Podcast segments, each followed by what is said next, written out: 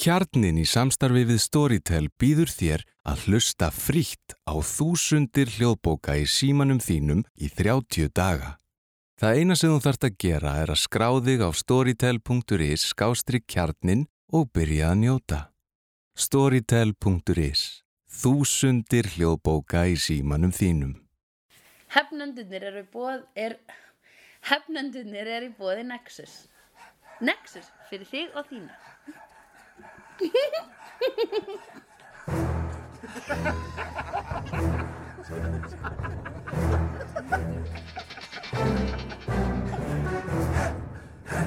to hand, hand to hand, hand to hand, hand to hand.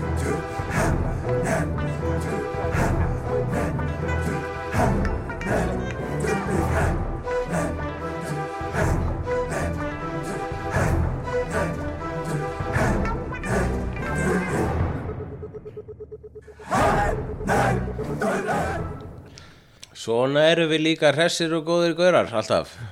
Ah, Komnir hingað í stúdíó enn eina ferðina að ræða hitt og þetta sem að tengist uh, subkultúrnum nördisma. Já. En hvað er nördismi? Ævar Örn Jóhannesson.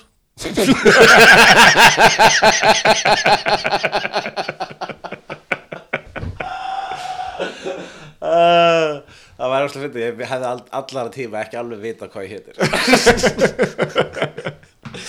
Nefnt, ég ætla aldrei að segja nafnið á þessu Uh, á ég að svara spurningunum samt? Já, ég, ég veit það ekki, ég hann, hann er einhvern veginn orðið svo vítt hugtak. Þetta er samt fyrst og fremst fólk sem hefur ódrefandi áhuga fyrir einhverju ástrið fyrir einhverju jafnir já, þú veist, hvað er ekki, hvað er ekki? Lifir er svolítið fyrir og í ástriðu sinni Já, jástrið já, svo eins og fótboltanördar. Já, alveg eins og þeir. Já. mm Þeir eru líka nördar. Eða bílanördar.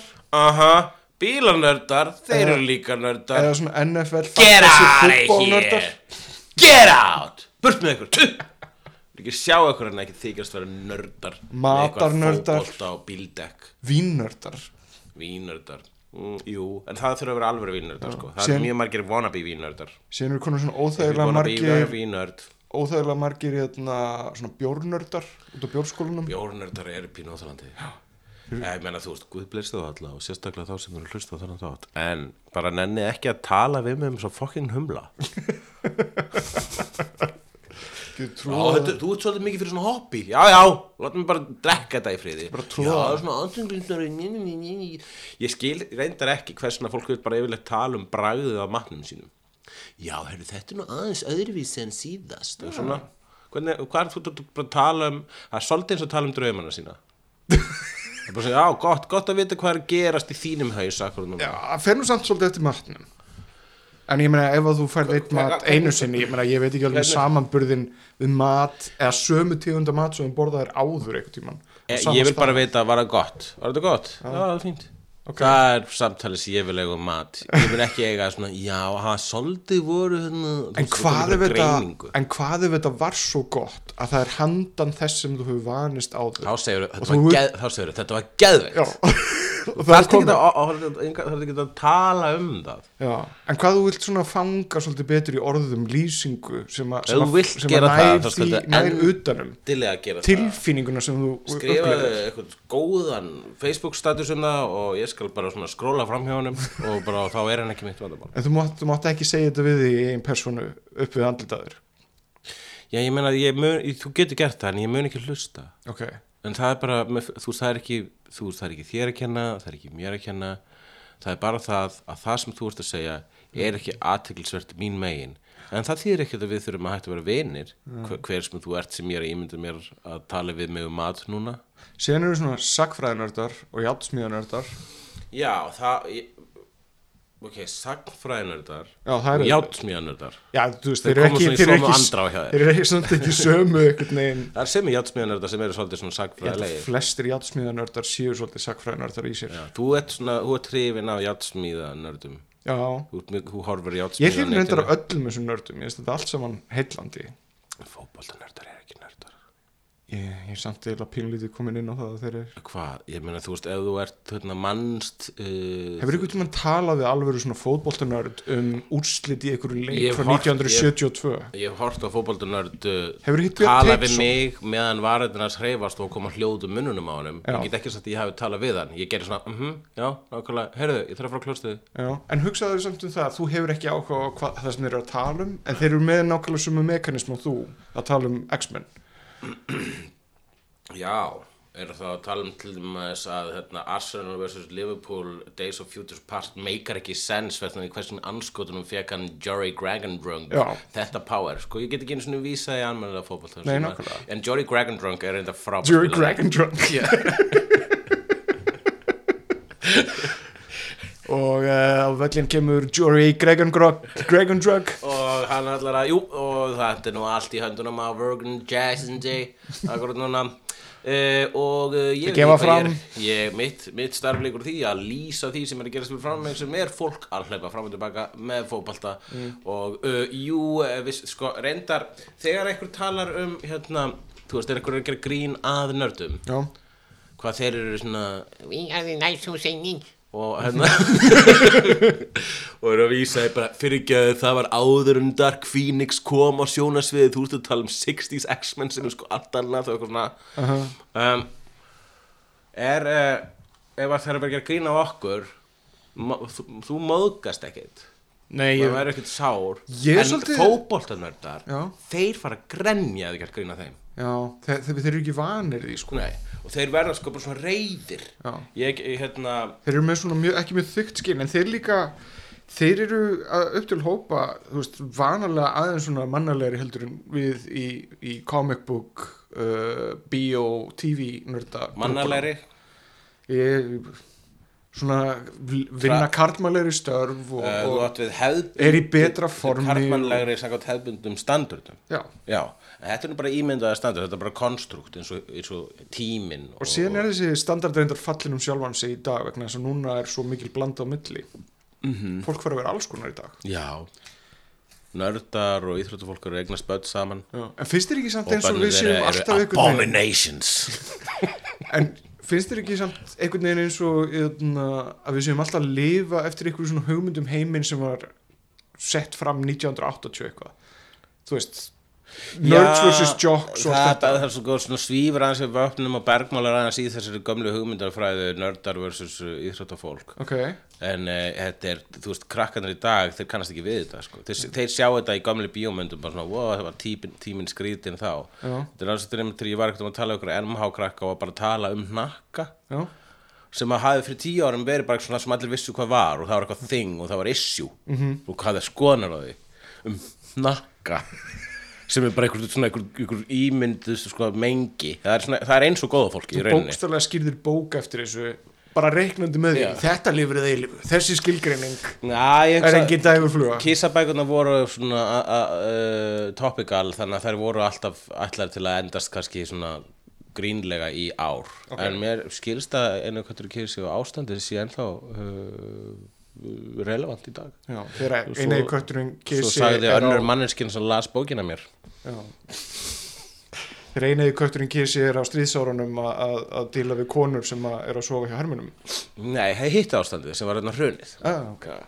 En hérna uh, ég ætla að segja já, byrju, já það við sví, hérna, það er ennþá sko við erum ennþá með í hjarta okkar og í Mm. tögkerfinu með sko hérna hrættu antilópuna sem er alltaf að tjekka á ljóninu Já. uh, en nördar dagsins í dag það held ég, ég held að þeir þurfi lifi ekki í þessu móta sko Ég held reyndar, ég er búin að vera að hugsa svolítið um það en ég held að kaldastrið hafi skemmt okkur meira heldur en okkur grunaði. Kaldastriðið? Býtu það Já, ég býð Já, ég var nefnilega að lesa það núna um daginn að CIA fjármagnaði rosalega mikið á listakaupum mm. og fyrst og fremst á list og sagt fjármagnaði bækur og kvikmyndir og svona setti peninga í men menningu Mm. uh, sem að prómóteraði svona sagt, einstaklingshyggju til þess að vega upp á móti kommunisma Já, já, ég er nú ekki og því. Þeir hafa, já, þeir hafa gert eitthvað svolítið þannig að mjög mikið af þeim popkúltúr sem að varð til úr þessari fjármögnun rataði til okkar. Já, og ef verður svolítið svona kjarni þetta er svona eins og biblían verður eitthvað skonar biblía fyrir menningu vegna þess að það er eina bókin sem er, er svona sameigileg fyrir flesta. Aha. en þess, þetta eru verkin sem að fá mest af og víðustu dreifinguna. Eins og Jackson Pollock var basically fjármagnar á CIA pælti Já. því? Já, ég, ég bara uh, kaupi það alveg. Mér finnst þetta að CIA mætti fjármagnar meiri list núna í dag. Já, bara svona yfir höfuð að auka henni. CIA eru þeir ekki núna bara að hvað að díla við uh, hérna, tr- Trump, Trumpufíluna Jú, eða, eða ISIS. Hvað er aftur að gerast í, hérna, í, í Trump heimum núna, í Trump Silvaníu? Ertu meina viku í framtíðina frá því við erum að taka þetta upp? Já, Það gerist eitthvað nýtt á hverjum degi mm það er árið þannig að maður tekur ekki eftir í Akkur, hérna, ah, mann vil svo mikið tala um þetta. Bara skrít til svona normalisering á geðsíki. Já, það sem að hræði mig mest er fólki sem stendur með honum. Sem eru slatti Já, og þeim, þeim, þeim fyrir ekki fjölgandi lengur en, en, en það var alveg heljarinnar fjöldi sem að finnst þetta allt í lægi Það eru margir sem fíla hann vegna hann er svona agent of chaos. Vil ég meina það, bara hann er agent of chaos fíla hann, hann bara kemur og fokkar allir upp. Jú, en þú Jokerinn hann var agent of chaos. Já. en Jokerinn líka, þú veist, hann brendi peningana sína, veist, Trump myndi aldrei gera það, Trump er fyrst og fyrst graður og hann er agent of his own microdick. Það er það sem hann er, þannig að hann er ekki alveg, þú veist, á yfirborðinu, já, það það er gaman að hugsa til þess að hann er að fokka upp í öllu og bara all, engin veit hvað gerist næst. Það er skemmtileg kaos Já. fyrir utan náttúrulega að við búum í þeim veruleika það sem hann er að fokka öllu upp og uh, gætum hugsalega öll dáið í heljareldum. Ég, efa, ég held nú ekki að við förum þanga sko. Nei, ég held það ekki, er, þú, þú er aldrei verið með áhyggjur af hérna, kjarnorku árus Nei, en ég áhyggjur af því að hann klúður í málunum við Norður Kóru sem að hann hrósaði sér til dæmis mjög mikið af því að vera búin að klára þetta mm. einhvern tíminn í mæ Já, og núna er hann byrjað að vara við að þeir eru ennþá að smiða kjarnokvopn eftir hennan sögulega samning sem hann náði. Ég hérna vil, uh, þú veist, hann, Jonathan og ég byggum til eitthvað sem að Jonathan notaði mitt núna nýlega í monológnum á uh, spjallhættinu sínum An Evening with Jonathan Duffy Það var hugmynd sem fættist í Australia sem heitir Remocracy og er hægt að heyra um í þættunum Remocracy sem er þáttur af Australia.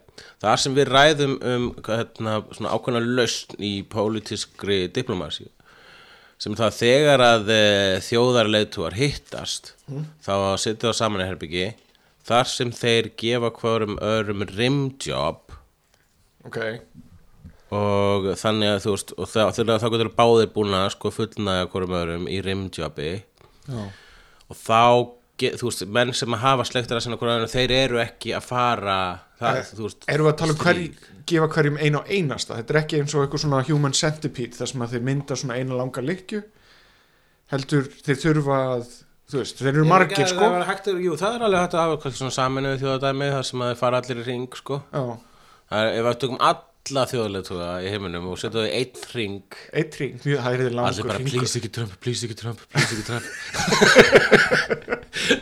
En e, það er sko vegna þess að ég er nefnilega ég, ég var áður með hugmyndunum að sko að hafa svo kallar Samurai Showdown sem er að e, til að fara í 69 og Totti hvernig annan kuð þeirri vera karlmenn ok, og, uh, þá, og sá sem að sko ég man ekki hvort tapaði sá sem fær það fyrst eða sá sem fær það setna hver myndir þú segja tapi í því? Já.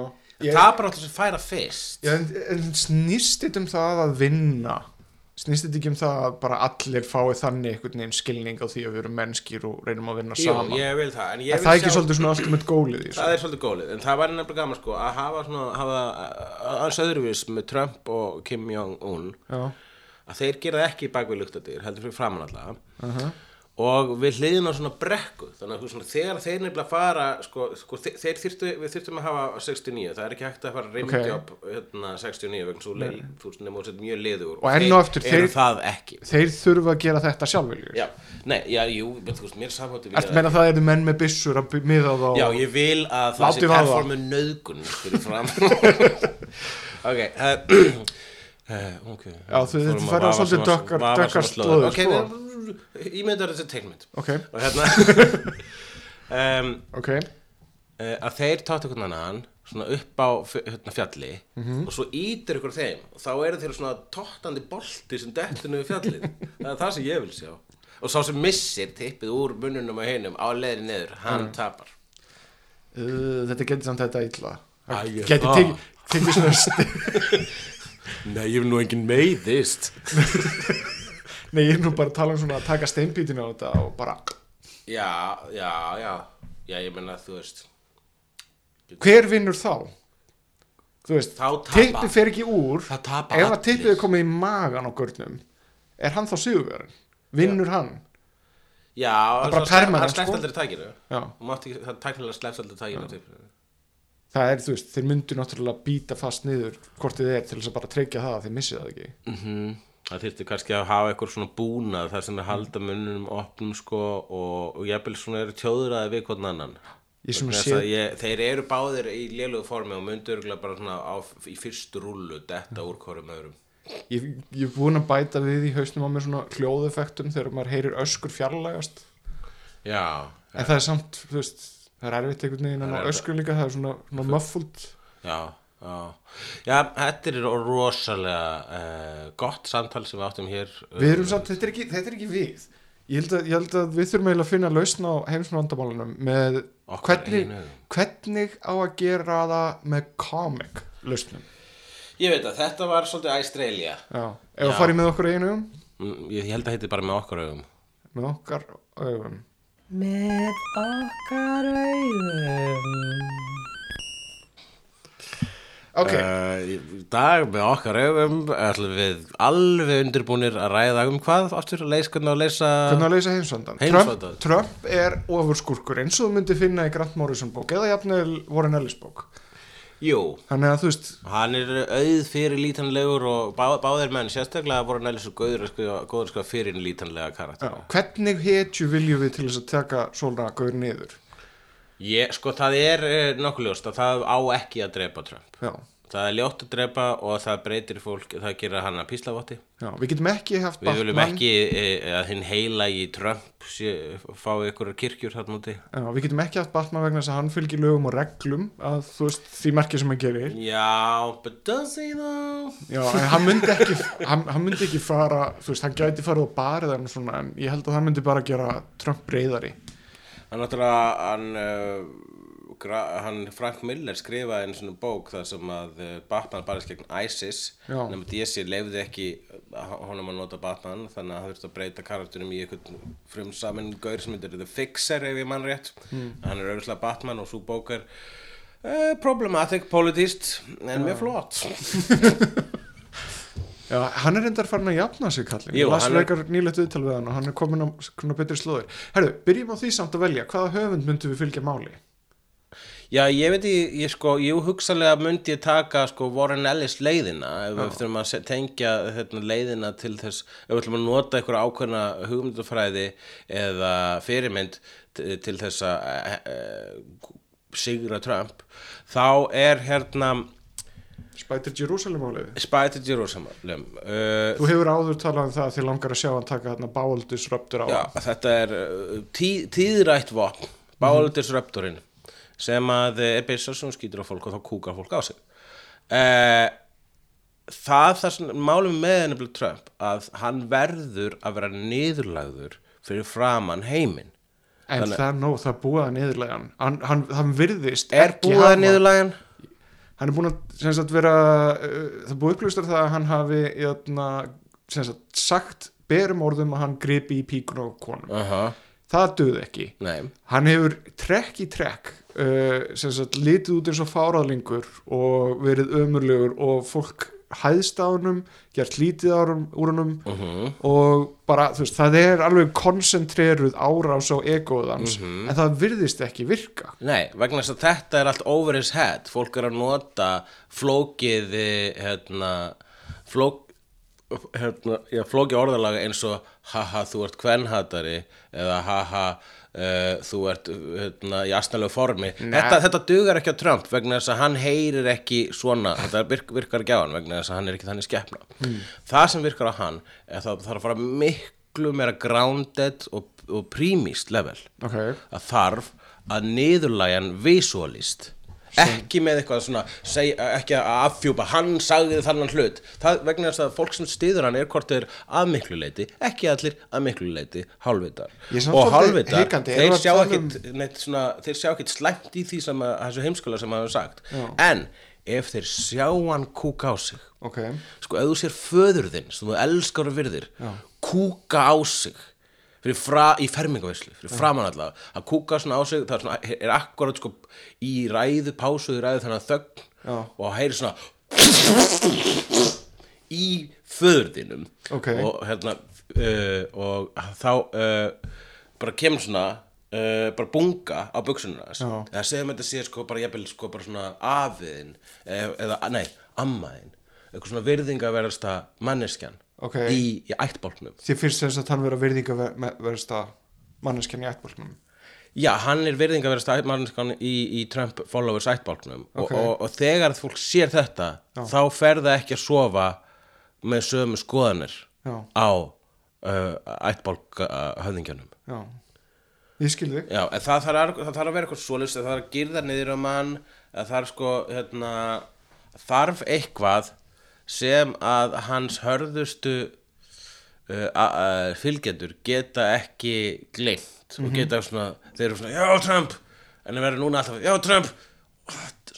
Lata hann kúka þarna á sig það trublaði mér svolítið. Ég held samt, mér finnst eins og stuðningsmenn Trumps sem eru margir hverjir uh, rúsneskir gerfimenn á internetinu það er eins og þið finna alltaf leiði til þess að réttlæta allt Já, Núna er nokkurn veginn búið að staðfesta að hann framkvæmdi glæpa, glæpsamlega hlut mm. með í gegnum Cohen og, og sa- sem sagt játningu hans. Mhm. sem er, þú veist, að hann borgaði peninga til þess að þakka í konu sem hann hafði sofið hjá Mhm. fram hjá sin eigin konu. Uh, þetta er allt saman satt. Þetta er allt saman frekar brútal svona uppgötanir ég meina að þú manst þetta að Bill Clinton hann, þú veist, það er ekki að kúka á sig. Já, Það er að segja Hei, Trump bara að banga einhverja heita skvísu og þú veist framhjá konuna sem er líka heit. Það er mistari Þú það er ekki að kúka á sig. Já, ég skilði þig. Þannig að Það þið- kúkar á þig. Og kúkar á þig þannig að það er bara svona bungan sérst á öllum myndavölum og lekur nöðu buksunar og hann hleypur svona Það er hann ekki verið í hvítum buksum líka að þetta þetta er svona, þetta svona þarf að skipulegja það, sko, við þurfum að hafa people on the inside sem þú segir, heyrðu, þetta ekki fara í hvítabjóðsum í dag. Þetta þarf að vera sko út úr skipulegja sko 9-11 shit. Og er einhverju svona næfur þunni svona hörefni einhverju. Já, bara, are you sure about this? Yes, yes. Já. Uh, the chicks love it. The porn stars love white pants, Mr. President. Oh, okay I like porn stars Þannig að já, ok Og við erum að tala um að einhverju svona einhverju location eins og eðna, er hann, þú veist að fyrirfram á hvítahúsið er hann Já, það var Ah. kallað skítahúsið eftir að ah, Viltu fórna hvítahúsinu? Fórna hvítahúsinu Já, Vatu, uh, Já, vegna, vil ég, ég vil ekki fór hvítahúsið verið collateral damage í niðurlæðingunni sem Trump fær þegar hann kúkur á sig. Já, Ég held að hvítahúsið lifi nú alveg af. Ok Ekki ef það er kallað skítahúsið hérna í frá. Já, það mun ekki gera það nema á Íslandi þegar þetta pönn virkar ekki í The bandaríkjörnum Shite House. Já, ok, gott, vel, vel gert, vel gert mistari En ég hérna Ef ekki bara fara ekki ákvært að glafa Ok, Á hvað ertu að glápa? já, ég Þrír mánuðir maður, það er búið að vera uppsafnað gláp. Margt höfum við gjört. Já, eða, eða fátt, kannski vegna þess að við vorum bara að horfa á vídeo. Ég horfði bækur. Ég horfði aftur á Avatar The Last Airbender og Legend of Korra. Já, ég sagði það, þú gerir alveg þrjú Instagrami röð um það. Já, en þetta er, þetta er svo gott stöð Þú ert mjög skotin í þessu. Það eru margir sem tala rosalega vel um þetta. Ég er svona var hálfpartspilni búin að ákveða að sjá þetta aldrei vegna þess að maður þarf að velja og hafna með þennan takmarkaða tíma sem maður hefur á svona flötu jörð Já, en Uh, það er samt alltaf að poppa upp aftur meðmælingar frá þér og öðrum sem að hafa fína smekka Ég skal segja hvað, ég, ég, ef ég, hérna, ef ég finn DFD eða Blu-ray þessu, þá skal ég gefa þér. ok, Allavega Avatar. hvað, þetta er, hvað er svona gott við þetta? Það er bara svo ógeðslega vel skrifaðir karakter og bara ferðarlega karakterina í gegnum þetta er briljant og síðan eru skilabóð eins og frábær líka, svona, þetta fjallar um samkend og þú veist að finna til með óvinni sínum og þú veist saminast í staðin fyrir að, að, berjast. Er, en samt þarf að berjast fyrir sumu. Þetta er bara frekar magna svona. Mér finnst þetta eiginlega bara á pari við þú veist upplifinar Lord of the Rings eða eitthvað. Þetta er svona, svona stór, risastór saga. Jésús er, action, bardagar og visuálar ég er náttúrulega hérna, sá þetta á þetta, sko uh, ekki láta mig hrækja gólfið með því að minnast á þess að M. Night Shyamalan mynd. Einmitt þessi ég ætla að fara að minnast á. Það, ég hef séð the equivalent af, af þessu ég hef séð það sem er fyrir Avatar er er, er, er eins og hérna, Buffy bíómyndinni fyrir Buffy þættina. Já. þegar fólk segir, ég er segja, já, er Buffy vampæðastæðir, já, ég sá myndina hún var heldur skemmtileg, hún var ekki skemmtileg. Og hún er ekki alveg Buffy. Já, ég hef samt svona pínu góða minningar um myndina. Kri- Kristi Svansson var alveg ég sá hana sem séð, bara sko. úlingur eða eitthvað og ég slögt á henni og það gerist nú ekki oft. Ég sá hann að bli í bíó, ég gæti ekki slögt á hann ah. En þú veist, ef maður endist út að endanum þá verður þetta gott stöf sko. Luke Já. Perry hress á því Jú, ég, þú getur vel, meni, það eru Whedon á eitthvað í þessari mynd, sko, það er kannski það sem er gott við hennar, en ég bara að leifa mér að, að vera með mína fordóma það sem eftir æfuminnar á þeirri, þeirri mynd, sko. Það er alltaf eitthvað svo indislegt við það að taka flippa koncept og Buffy og taka það alvorlega eins og Buffy gerði með þættina Já, eða bara að gera vel eins og Buffy gerir með þetta. um, ég er nú búin að vera að horfa að heitu þetta. Já. Síðan er ég búin að vera í Psych marathónu undanförnu Já, Psych, Já, já, ég horfði á svona fyrstu þættina því á sín tíma, svo sá ég hérna þennan Twin Peaks þátt sem ég gerði. já, hann er ekki góður Ekki?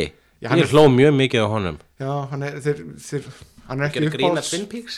Já, þeir gerðu grína Twin Peaks, Æ, that's about ég. it Þú veist, þú leiður fyrir hönd Twin Peaks Nei, ég bara vildi óska þér hefðu hérna, Mér er stókvæmt að finna hvernig gerir grína af hérna, dramatíska stráknum hérna, fyrir hann kærastunum hennar Laura Palmer. Mhm. og gerir hérna, þann gaur bara svona ógíslega dramatískur.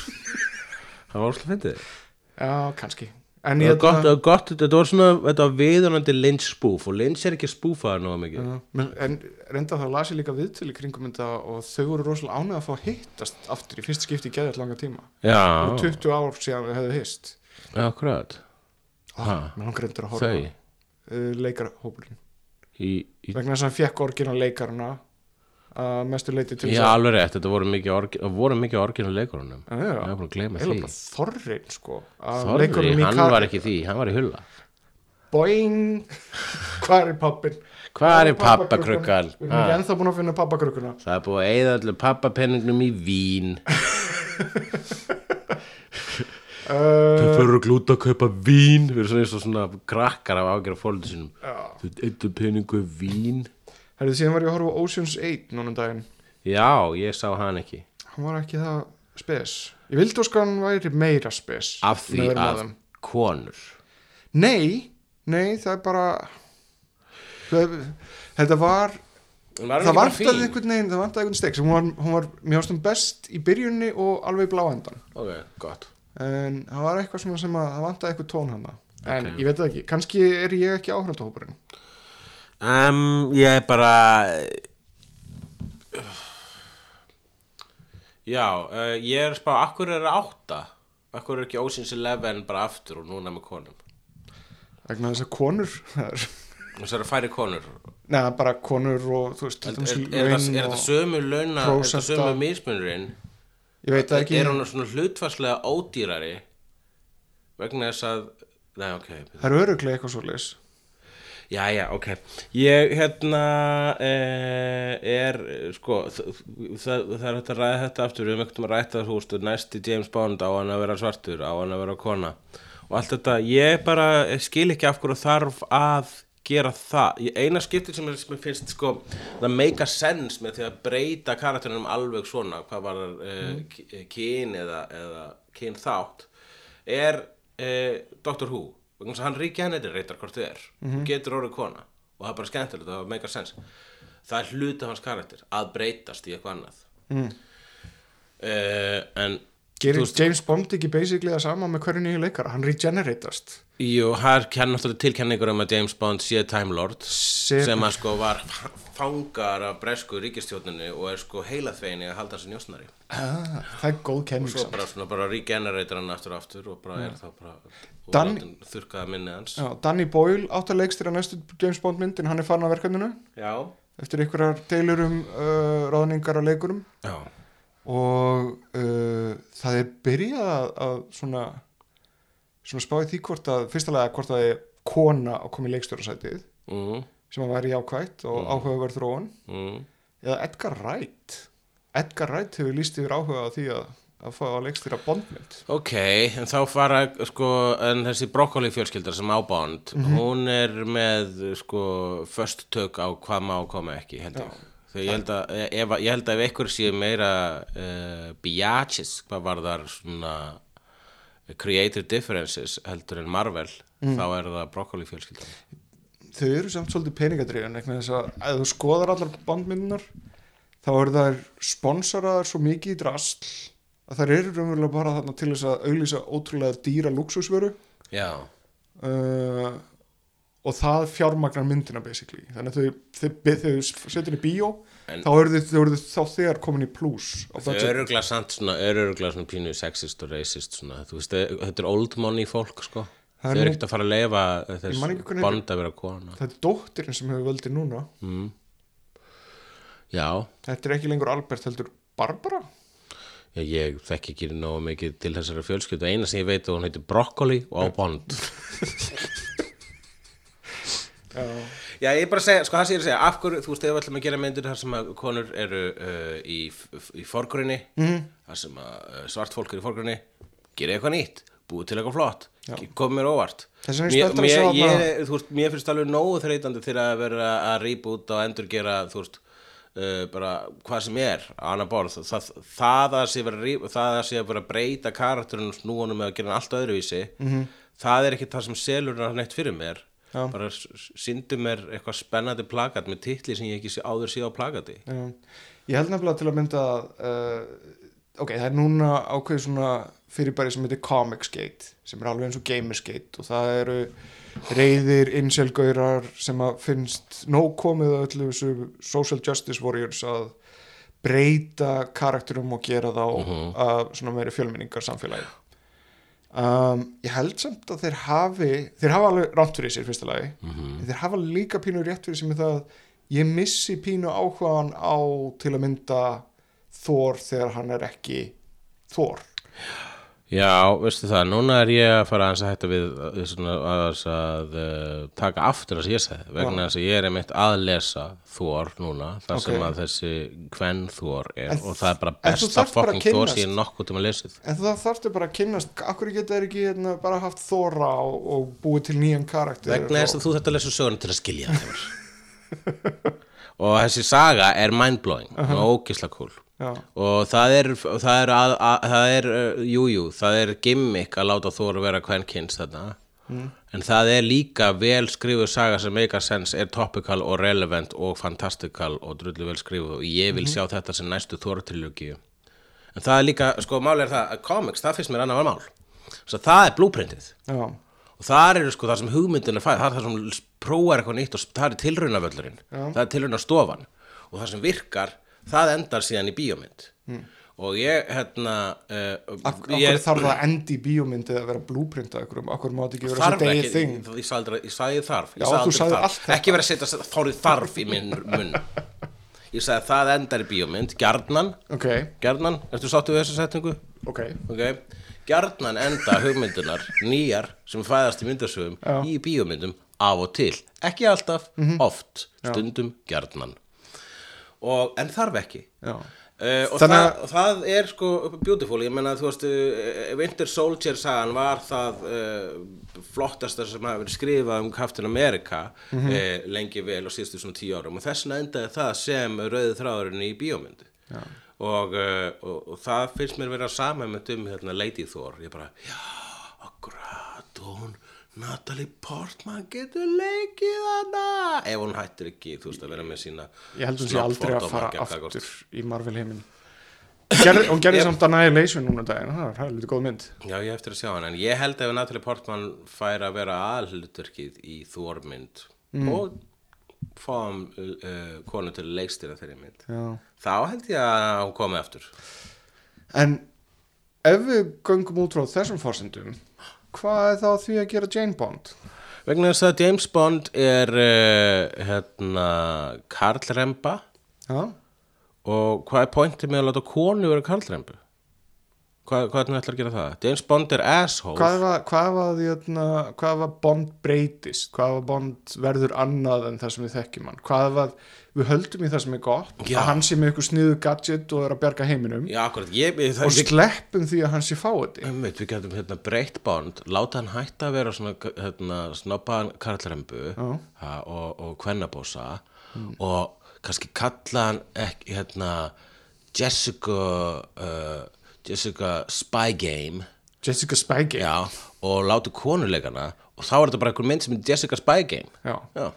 Ég meina, þú veist uh, en þú, þú varst rétt í þessu að hrósa Lady Thor. Já, og þú sérð ekki að þetta geti verið alveg nákvæmlega sama? Já, það eða það er frábær saga? Ok, ef þú, það er rétt. Ef þú framgerir eitthvað ógeðslega mindblowingly sniðut með það og lætur það bara vera pointið með myndinni Já. þú veist það væri, sko, Kvenkins Bond gæti mynd koma út sem bara svona haha, fuck you, feðraveldi. Það geti verið undartitillin á þeirri mynd og það eru virk- vissulega sterkur leikur en ég held að verði ekki gert þannig. Ég held að verði gert með mjög litlu ímyndunarafli og það verði eitthvað eins og Ocean's 8 Já. sem er bara svona, hei, mynd sem að var, er eins og önnur mynd sem var bara með köllum en núna bara með konum. Sniðugt að Ég myndi frekar nota Ghostbusters vegna þess að þú hefur ekki séð Ocean's 8 og það gæti líka verið að ég hafi bara verið í súru stuði því að horfa hana. já, já. Og hérna uh, Ghostbusters bíómyndi, við tölum aldrei almennilega um hana, mér fannst hún allt í læ bara, al, uh, hún er næst uh, besta næst og næst versta uh, Ghostbusters myndin. Ég, það, ég sá Twitter hjá Paul Feig, leikstjórnunum, þar sem að hann var að deila sagt, á Twitter uh, myndum og tvítum sem hann hefur fengið þar sem að mæður er að tala um litlu stelpurnar sinnar og þeim fyrst svo gaman að vera í Ghostbusters skölunum alltaf. Já, ég fór nefnilega á hans að myndina sjálfur eitthvað tímann og það voru bara fyrir aftan mig sátu tvær litlar stelpur sko, svona tíu og níu ára og digga, svo eldri var hérna, að fara með held ég litlu sýsti sína eða yngri vinkunum sína á myndina sína hennana, eldri hafi síðan áður.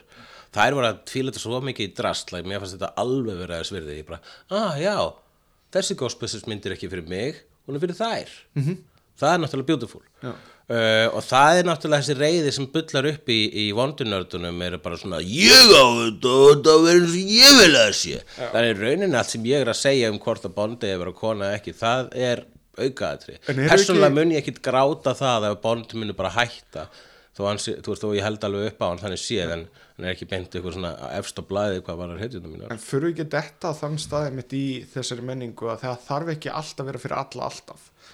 það þarf ekki alltaf vera fyrir alla alltaf hmm. Þú að halda áfram að tala Já, ok Já, herðu, við erum, Hérna- reyndar að, við erum með ákvæðart að glápa. Hvað, Já. hvað, varst þú að glápa? Ég gláfti á til dæmis hvað erum við með hér hérna ég er búin að vera að horfa mjög mikið á Star Trek Deep Space Nine Já. sem er æðislegt Herðu, við fórum á Incredibles 2, vorum við búin að tala um það? við erum ekki búin að tala um það Þar, það var mjög skemmtileg mynd. Já, Mjög fullorðin samt. fullorðins Ég, ég er að tala um það, um, Brad Bird uh, var, þurfti að útskýra fyrir einhverju konu sem þetta, hann væri ekki að gera þetta sem barnamynd. Nei, Og ég held að það sé alveg rétt með myndina. já, Hún er ekki neitt brjálaðislega fullorðins, en hún er, þú veist, hún er góð, solid bíómynd, Já, frábært framhald. Já. Og það er æðislega ég minnst leild að hann, hann alltaf talar um það að hann, alltaf, hann sér ekki fram á að gera nummið þrjú. Mig langar að sjá Incredibles sjómaserju vegna þess að mér finnst þessi Incredibles heimur svo skemmtileg svona hlýðarvít af öllum overheitjumyndum Já, en var ekki samt þú gaman að fá almennlega pening í Incredible sko, það myndi þá vera minna glamorous minna flott. Ég, ég meina það er ekki jafn svona vel smíðar og myndirnar. Það gæti samt alveg, þú veist, ég er búin að vera að horfa til þess að Trollhunters, þannig, sem Já. eru CGI teiknumyndir og það er drullu flott, gott action í því og svona. en eru sögurnar góðar? Já, það er fínt, það er bara mjög skemmtileg stöf. ok, Um, ég er búin að vera að horfa á Mission Impossible 3 og 4 og ætla að reyna að ná uh, að horfa á 5 í kvöld, svo ég getur farið á 6 í bíó sem fyrst. já uh, talandi um það, ég áttur að sjá einmitt Mission Impossible. Klukkaðu mig þegar þú ferð, maður er til að kíkja. Fyrir kannski kvöld, sko. kannski kvöld? Ah, ég er með bókaðan tíma klukkan 8 milli 8 og 10, eftir 10 Já, það er, uh, mjög- það er tu- 21.55. uh, þá kemst ég ekki. En ég er ekki svo viss vegna ég þarf eiginlega líka að klára númer 5 og ég ætla, að vera búin að horfa á hana þó ég sá hana núna líka á sinni tíma. Þetta eru sko myndir sem að fundu sig ekki fyrir inn í þrýðu mynd. Uh, mér finnst fyrsta myndin ennþá svolítið solid. Tvö er eiginlega eina myndin sem er svolítið bara svona wonky og skrítin Já, en þrjú og upp úr það er, bú- það eru búin að finna svona rödd. Eitt er alveg, jú, jú, það er góð mynd, þannig séð ef ég, ma- ef ég mann rétt, ég sá hana svolítið ofta sinni tíma, þannig að ég er svona einhvern nenni ekki mikið að sjá hana aftur. Já, en sko, svo, svo var gera tvö þarna með John Woo og John Woo hann bara gerði svona ástasögu eins og honum einum er lagið sem er sagt aðeins og af drullu fucking væmið. -hmm. vegna þess að þannig hugsa John Woo. Ég meina Face Off er einn væmnasta mynd sem ég séð. Já, hún er væmnari en hérna svona romantískar gamamyndir hún er svakaleg. Já Er maður sem að er nota svo- dúur jafn mikið og hann gerir, það er maður sem er í rómanshug sko. hún er svona, er svolítið svona eins og rauð ástarsaga. Hún er ógeðslega výrt en hérna þrjú, þá kemur uh, Brad Bird inn. J.J. Abrams. Og fjör kemur Brad Bird. Og í fimm Christopher kemur Christopher McQuarrie. Og og hann hann, er- er líka í sex. Já, ég veit það, það er fyrsta getið það sem að jæna, uh, þeir nota sama leikstjórn þeir, þetta átti alltaf að vera svona ný leikstjóri spennandi Já, þeir hugsaðu það allavega þeir Take eru. John Woo og svo hugsaðu þeir, heyrðu, neða, sko, menna kannski meira að hafa eitthvað svona manifestu hérna, ekki bara go crazy með eitthvað brjálega leikstjóra. Já. er ekki Bad Robot samt framslu fyrir því hans J.J. Abrams Það tók við í þriðu mynd. að því að nefnitt að framleiða þetta Já, og er búin að vera framlega síðan þá og þá líka Tom Cruise bara, heyrðu, ok, Abrams sér um þetta og, uh, og svo, einmitt, og þannig að sko myndnumir 3 og 4 þær eru óslega svipar þó þær hafa mismyndi leikstjóra en það er bara vegna þess að framleiðslan fram, þú veist, J.J. Abrams tók við og, og, og ljáði þessu þá rödd sem þetta lifir ennþá á -hmm. og þá er þetta, nú er þetta orðið bara solid dæmi og, og betra en Bond Basically. betri síðustu tvær, þrjár myndir með Bond Já, það er gott dæmi um það að taka eitthvað og gera eitthvað nýtt úr því Mm, það var gamalt. Það var svo sannlega hrist upp í því vegna þessi fyrstu bíómyndina Mission Impossible þá svona, þetta byggt á gamlega sjóarstáttinu sem er svona ensemble sjóarstáttir þar sem eru margir karakter voru. Einn teknikur, einn sprengigur einn kúlgur og kona. Og svo hérna svo, en svo, svo bara drápuðu alla karakterina í nummer eitt. Já. og letu mér þess að yfirmannin vera vandakallin Já. Manst þú til dæmis að Emilio Estevez var í Já, Mission Impossible var, í, 1 hann var í Mission Impossible 1 og hann dó í liftu eða ónaliftu, um að rétt. Já. það var þetta gott aðtriði Já, Emilio Estevez crushed by an elevator. Eleve, Elevario Estevez the animate er ekki orðarleikur hérna sem þetta búið til? Þetta er, í, þi- þetta er er deild. Já, ég ætla að nefnda, ég með hérna einmitt listan hefur Jurassic World, Ant-Man and the Wasp Mission Impossible Fallout, Deadpool 2 Infinity War, við erum búin að tala um við Já, erum bara að tala um myndir sem- Deadpool 2 Já, nei, við sagðum að vera góð. Já, ok Solo, vorum við búin að tala um Solo Já, við töðum um hana. Ég var, ég var á þeirri skoðun að hún var með síðri starfsmyndunum Já, þá er það raunverulega það sem er eftir er, hérna, er Hereditary sem ég á eftir að sjá. Hún er æði Herðu, já, æðislegt. Þetta er alveg málefni dagsins sko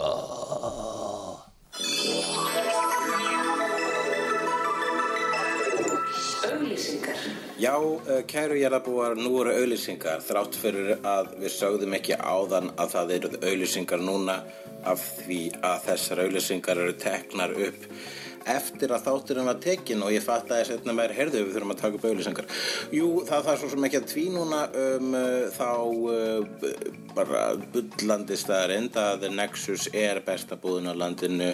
Ég fer þanga oftar en ég þarf. Stundir fer ég þanga bara til þess að uh, baða mig í dýrðinni sem eru vörurnar sem fást í Nexus. Á ég að telja hvað vörur eru til þar? Í það er auðveldra að telja hvað er ekki til þar og það er ekki til glatað drasl til dæmis.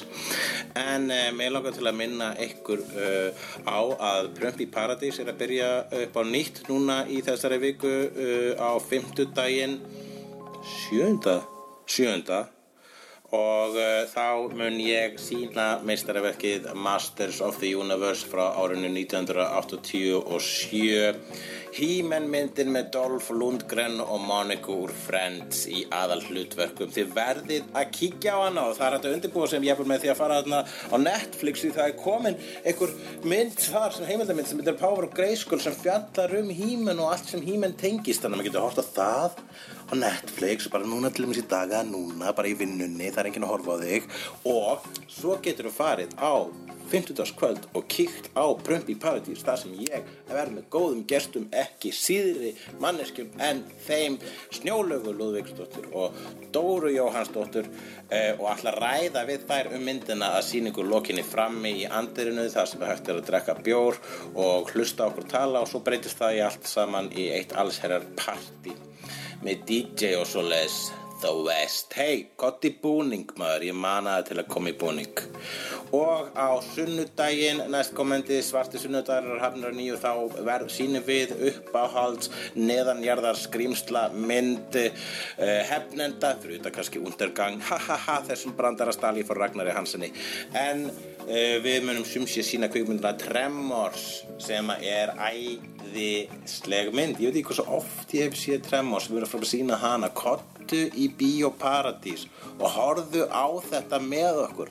Farðu út, kotti í bíó höldum þessu lifandi. Það er aðeins þú og ég er að tala við þig, persónulega þú sem ert að hlusta á þetta. Aðeins þú sem getur bjargað bíómenningu hér á landi og annars þar með, með því einfaldlega að fucking mæta. Ha. var það eitthvað fleira sem við ætlum að auðlýsa uh, uh, uh. Jú, slegðu, slegðu er að byrja aftur. Ég og Sandra Barilli eh, erum að taka upp eh, sjöttu seríu af slegðu. Erum að horfa á sjöttu seríu af Buffy the Vampire Slayer en það er slegðu eina íslenska Buffy the Vampire Slayer podcastið á Íslandi. Og það er að leiðinda þið besta en jafnvel þútt að væru átta önnur Buffy the Vampire Slayer podcast á Íslandi þá væri við samt þið besta. Og ég segi það ekki bara vegna þess að ég er eh, með ego sem ég er með þó brotat sé eins og Lego þetta rýmaði heldur líka vegna þess að það er einfallega staðarind hún Sandra hefur staðfesta að þetta er og væri besta Buffy podcast á landinu sama hvað. Við munum uh, skella tveimur þáttum á netið núna á 50 daginn sama dag. Og ég mun sína Masters of the Universe í Prumpi Paradís. Þannig að þú getur byrjað daginn og hlusta smá slegðu. Og síðan skelltir á Prumpi Paradís hversu næs er það? Hvað er ég að gefa ykkur? Hvað er við að gefa ykkur? Ekki nefna gull, við erum að gefa ykkur perlur. Sannið að þið séu ekki svín og getið þessa perlur. Kingið þeim og þá verða að demantum. Þessi myndlíking meika ekki sens, en það sem meika sens er þú að mæta í bíó og hlusta á hefnutur og slegðu. Scheiße, scheiße, ég hef næstu búin að gleyma Midgard. Midgard, fyrsta reysa nördar ástefnun á Íslandi verður núna miðjan september 15. og 16. ef mér ef ég mann rétt og við hefnundur verður þar með live, live hefnundarsjó auk þess sem að sýstur podcast hefnunda slegðu verður þar með live slegðu sjó auk þess sem að hefnundur munu taka þátt í einhverjum pallborsumræðum öðrum um kvikmyndagerð og slíkt. Auk þess sem þarna verður til sölu uh, í básum hinnur og þessar vörur sem að uh, þú mun þakka fyrir að hafa keft þann daginn mætti á Midgard. Þetta er á netinu, tjekka á Nexus þetta er þarna, köftu með það þú vilt ekki missa þessu. Málefni dagsins. Ég er að finna þetta svona fyrst ekki samt þú veist ekki spoila fyrir með myndinni. Ég Ég mun ekki til spóila ég er rosalega spenntur. Það sem ég er að fara að ræða hér uh, hvað varðar kvikmyndina hereditary hefur rauninni ekkert með sjálf, myndina sjálfa að gera. Ég er samt alveg að tengja við þessar nýju tegundar hryllingsmyndir sem er að koma uh, Já, þessar hérna góðu hryllismyndir og svo mynd sem ég er núna orðin hvað spenntastu fyrir er Suspiria trailerinn var vangjöðu fín Það er ekki svo spyrja að því sko. Ég vissi þú myndir að fíla þannan ég, var hann, ég, Þegar ég var að segja hann það var svona þessi sérstaklega hann ævari hjúpaður súkulega þetta var alveg kúlusúka brandara Já, já, rálegur uh, marsipan kjarni. Já, ég er hér að skrolla bara niður grúppu sem ég tilheri á Facebook sem heitir Komoda Kaligaris já, og þar var uh, hérna sem sé já, þar var hún eh, Alexandra Kristjana Ægisdóttir sem er, er, er, er í þessari grúppu. Að segja Hérni frá mun ég mæta með nerfbissu og skjóta þessa úlningar sem get ekki leift fólki að njóta myndana í friði. Síðast var að Quiet Place þar sem að hópur og úlningum þrýr strákar og þrjár stelpur. Ég let þau heyra það og eins og ég var áttræð Petur Kjelling en núna var það Hereditary þar sem það voru úlningsstúlkur og allavega eitt strákur. Það gekk vel meiri hlutan en þegar það komu atriði sem voru aðeins öðruvísi, ætla ekki að spilla eða voru svona, svona, svona það eru myndinu sem eru svona öðruvísi. Já, eru Látum þar við sitja, ógísla bara- weird. Ok, og það er krakkarnir fóru svona tóku svona fliss hérna. Uh, þá var uh, þá var bara ekki bara smá fliss heldur fóru einn gellan bókstala að hrína uh, come the fuck on. Er ekki, er ekki hægt að banna ólinga á svona myndum? Eða minnst að kosti hafa sýningatíma sem er banna innan 25 eða eitthvað ég er ekki að segja að allir úlingar séu svona. Uh, Alexandra, allir úlingar eru svona. -hmm. þetta er ekki, þetta er sko millistíði milli bars og fullorðna. Þetta er uh, afstyrmi.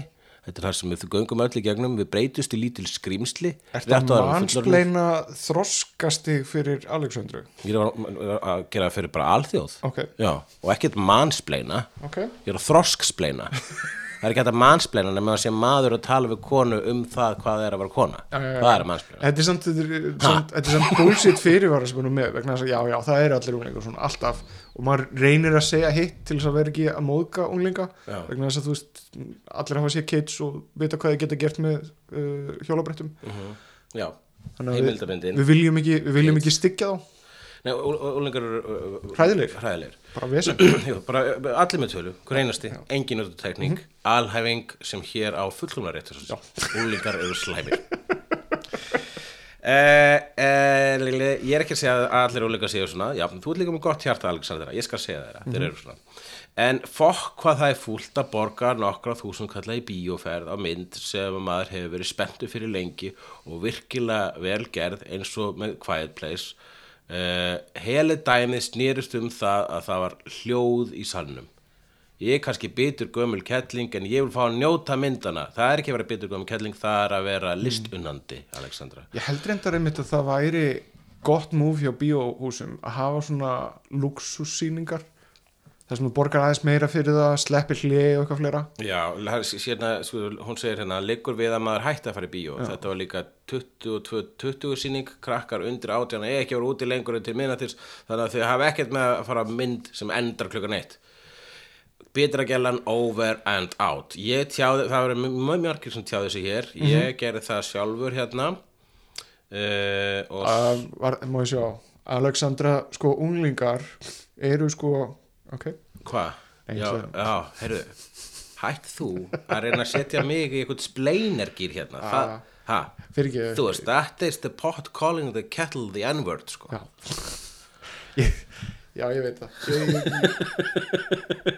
ég, Hvað er, er blessu röddin mín hérna sem finna ég þetta eru svona mörg komment Já, það eru mörg komment hérna. Ég eh, er hérna einhvers staðar. Ég er bara byggðis fólæts á hérna hvað ég er lengi að tjá mig með þetta. Þetta var ekki alveg við erum ekkert alveg skipulaðistar hérna í hefnundum en hefnundur er einmittur í bóði e, Nexus sem að er bestu búð á Íslandi. Þar er, þar eru menn skipulaðir í því að veita gleði. Þar eru viðskiptumenn og, uh, viðs, og fólki bak við búðaborðið ekkert nema eðal fólk sem myndi aldrei hrína á listrændinni hryllingsmynd. Hva, Hvað er að síðast það sem þú keftir í Nexus? Ég kefti mér hérna níundu bókina í bókabolki Don Rosa safninu af Don Rosa safninu.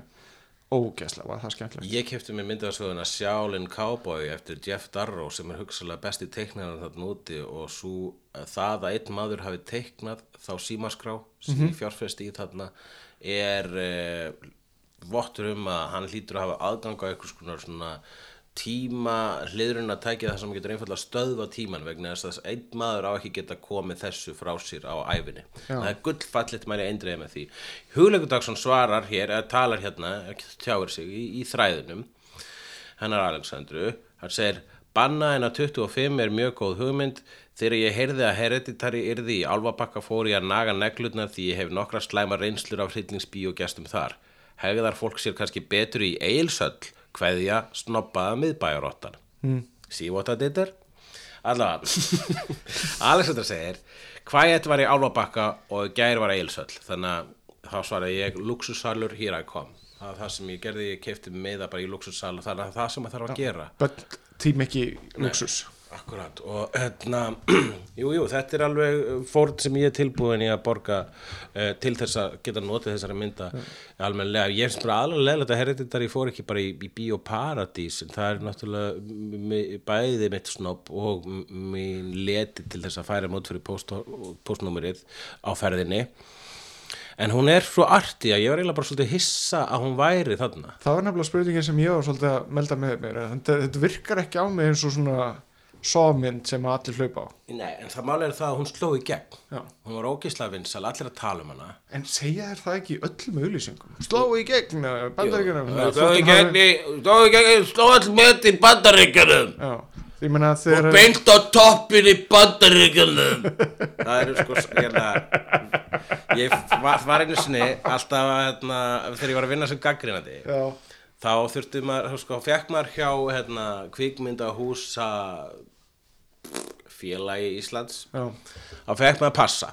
Bara tveir miðar á alla bíó í, í, í hérna, regnbúan, í stundubíó í uh, háskóla bíó. Öll bíó svo var ekki sambíó mm svo þurftur að fara í sambíóin og ekki sérstakann passa þar þá þú veist einn miða, ekki tvo. Máttur ekki einu svona bjóða með þér. Já En þeir voru alltaf með allar heitumyndunar þeir voru með að þetta byrjuð að toppin í bandaríkjunum.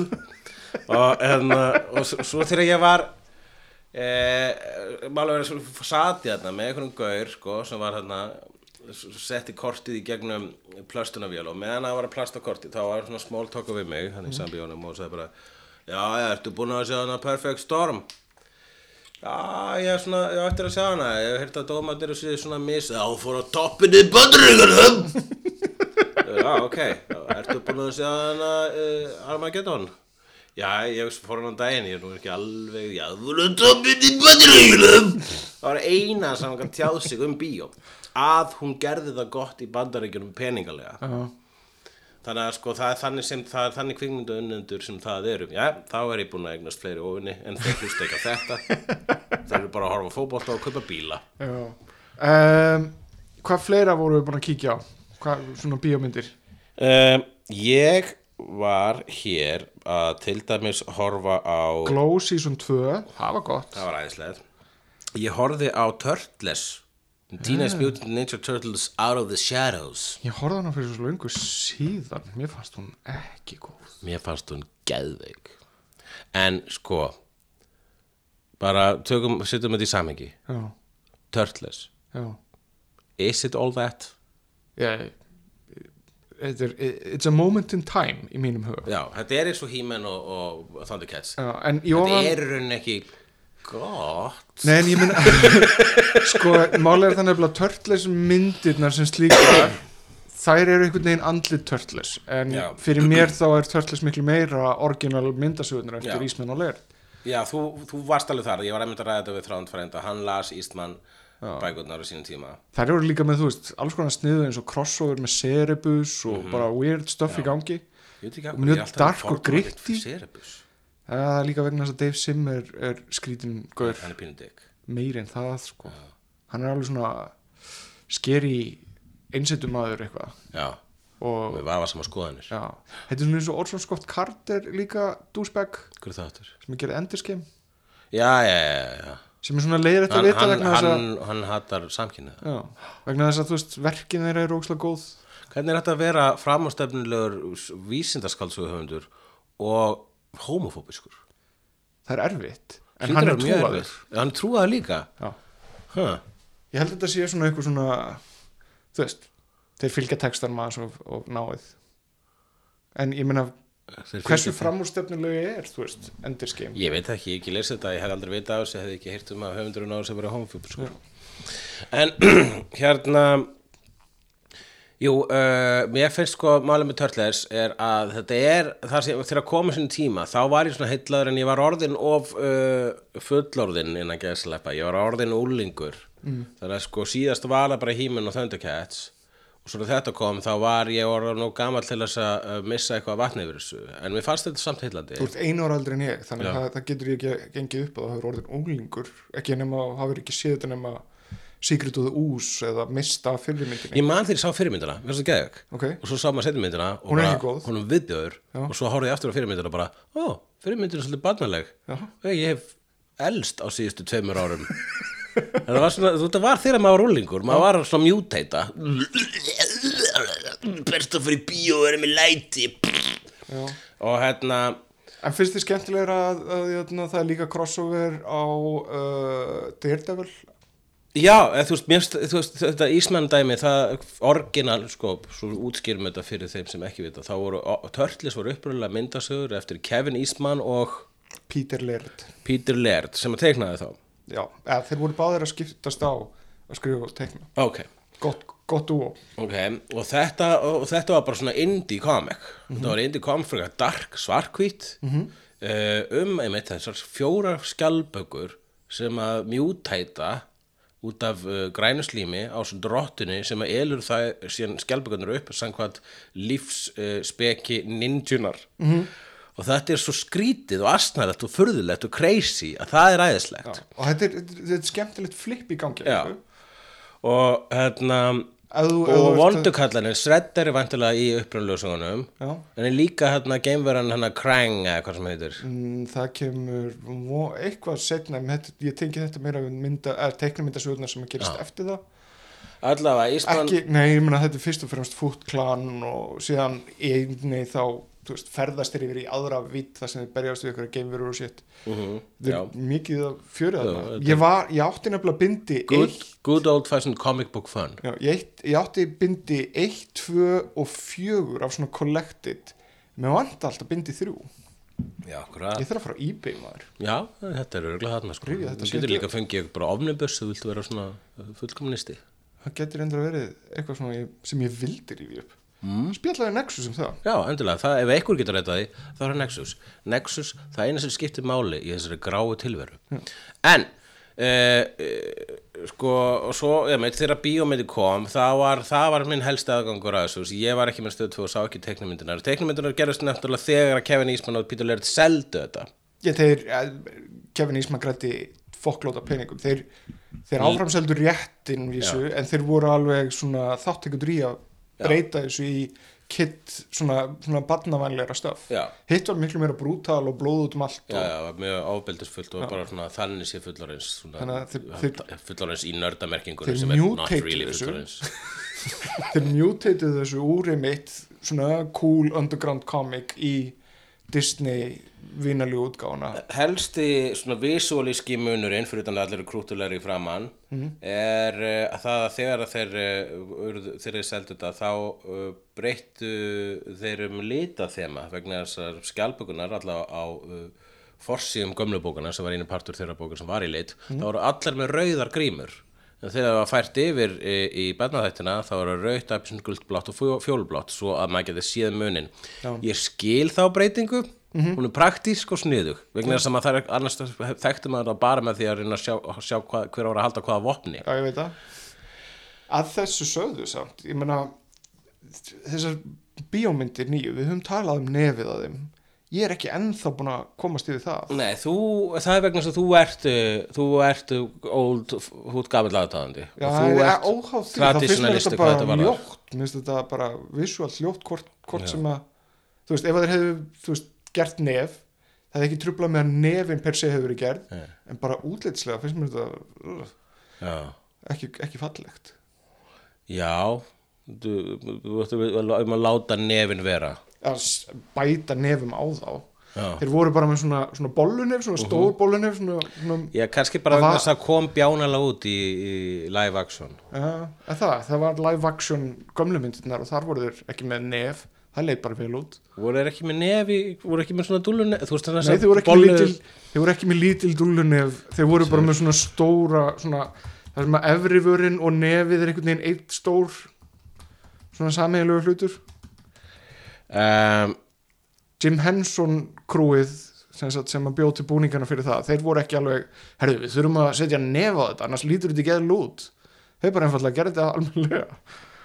1999 kom hún Nei, kom hann ekki alveg 99 Já, þannig að ég greinlega þú hefur verið eiginlega badd þá og ég hef verið svona að ég hef verið að efast um ég hef allavega ekki verið að fara að viðkynna og óbyrðurlega fyrir bekkjafélagum mínum að ég hefði fíla törtles Þú hefur líklegast til verið típan með við aldur sem færi á hryllingsmynd og væri rókslega leiðilegur gafkvart fólki í kringu þig.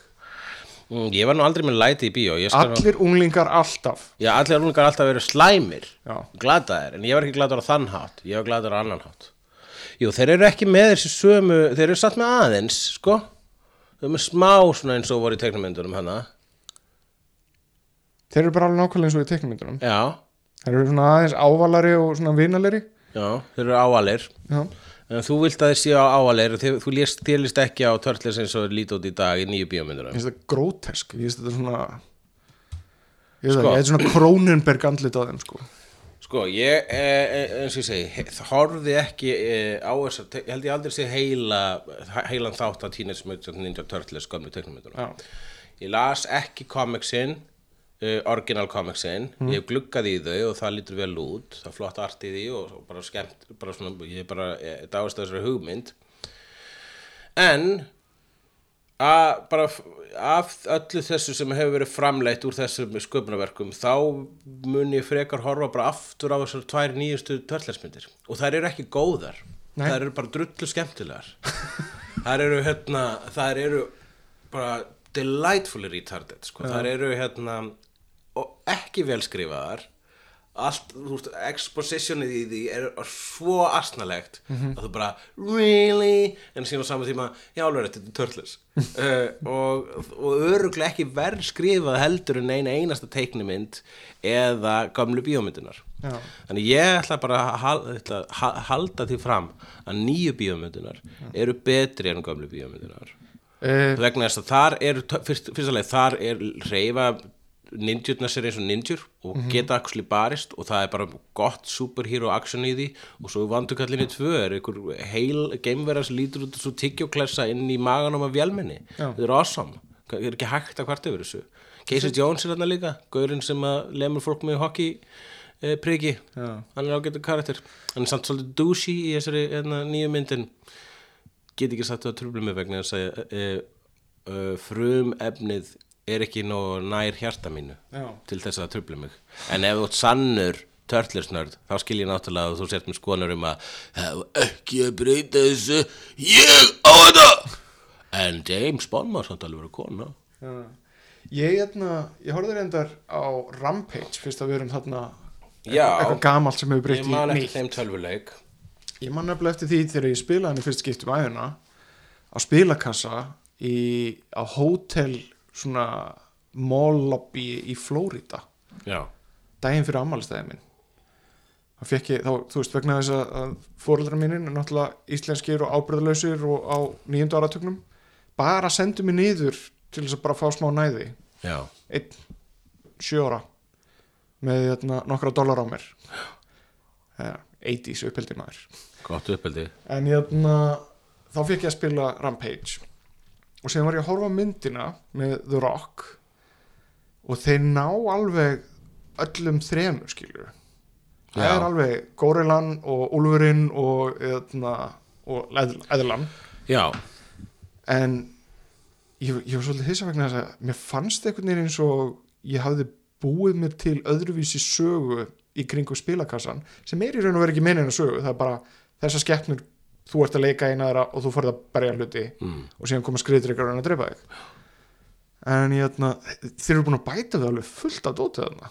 Ég veit ekki hvernig þeir ætla að komast í það að gera þú veist, mynd nummer tvö sem líklegast til að gera vegna þess að þetta græti tonna pening. Já, Dwayne The Rock Johnson hann er uh, hann er uh, allt sem er snerti verður á gulli. Já. talandi um Jumanji 2 þrjusu fín. Hún er ágæti á mjög góður brandarinn þegar Jack Black er að pissa fyrst, fyrsta skiptið með tippinu sínu.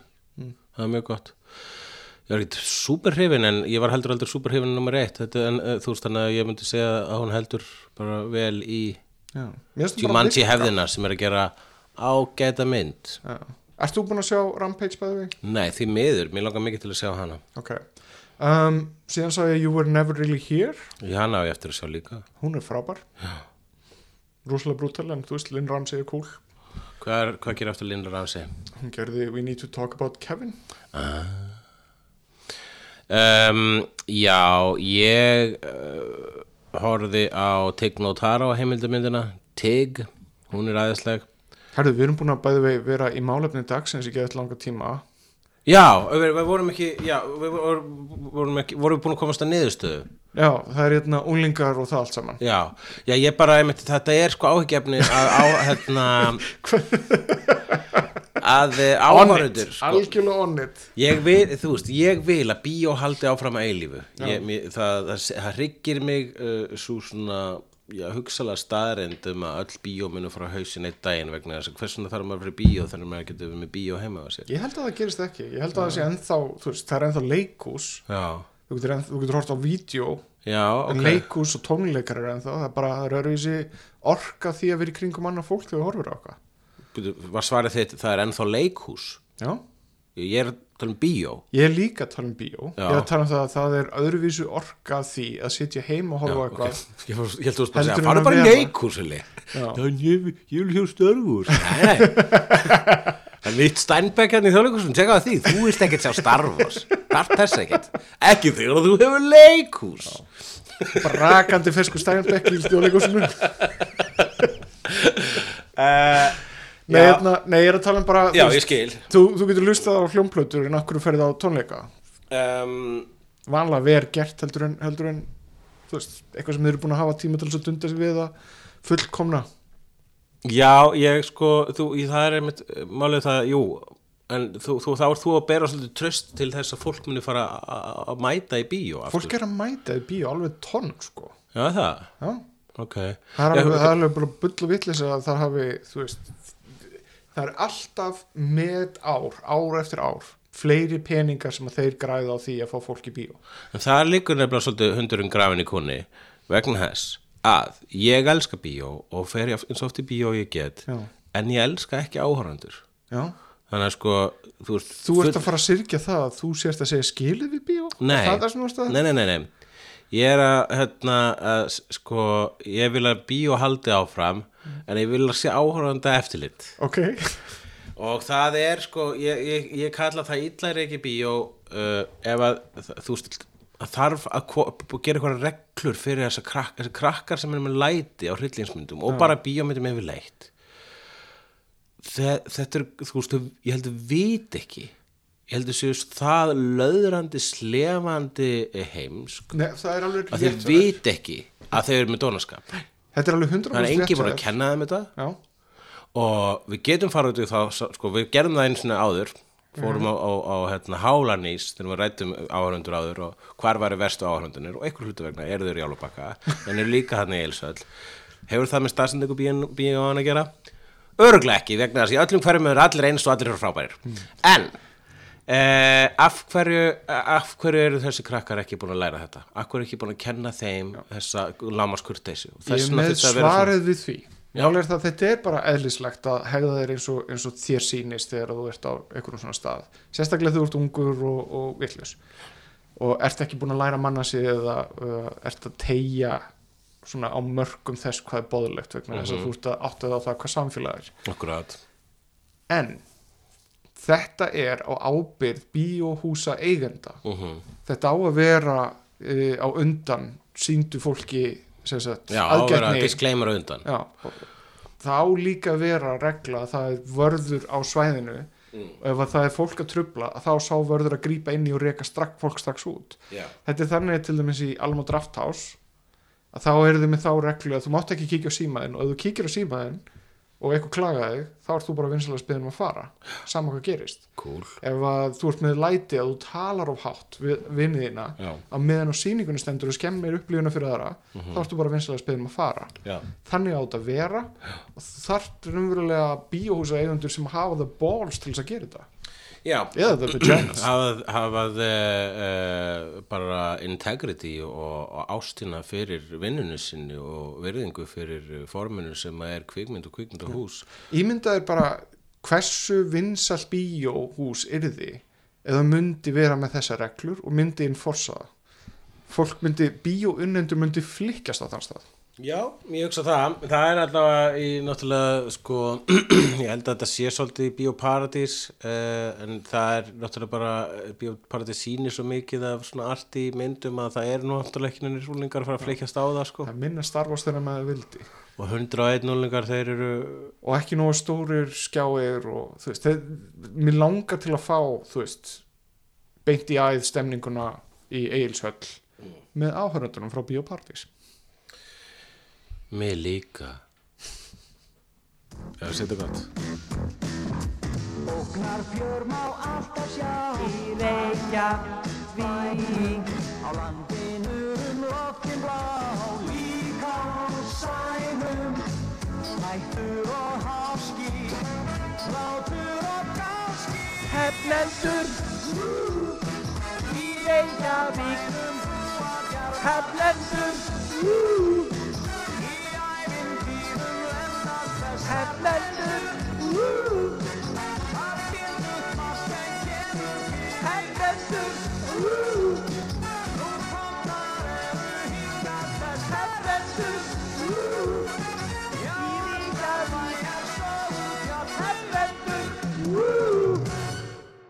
Kjarnin í samstarfi við Storytel býður þér að hlusta frítt á þúsundir hljóðbóka í símanum þínum í 30 daga. Það eina sem þú þarft að gera er að skrá þig á storytel.is skástrík kjarnin og byrja að njóta. Storytel.is Þúsundir hljóðbóka í símanum þínum.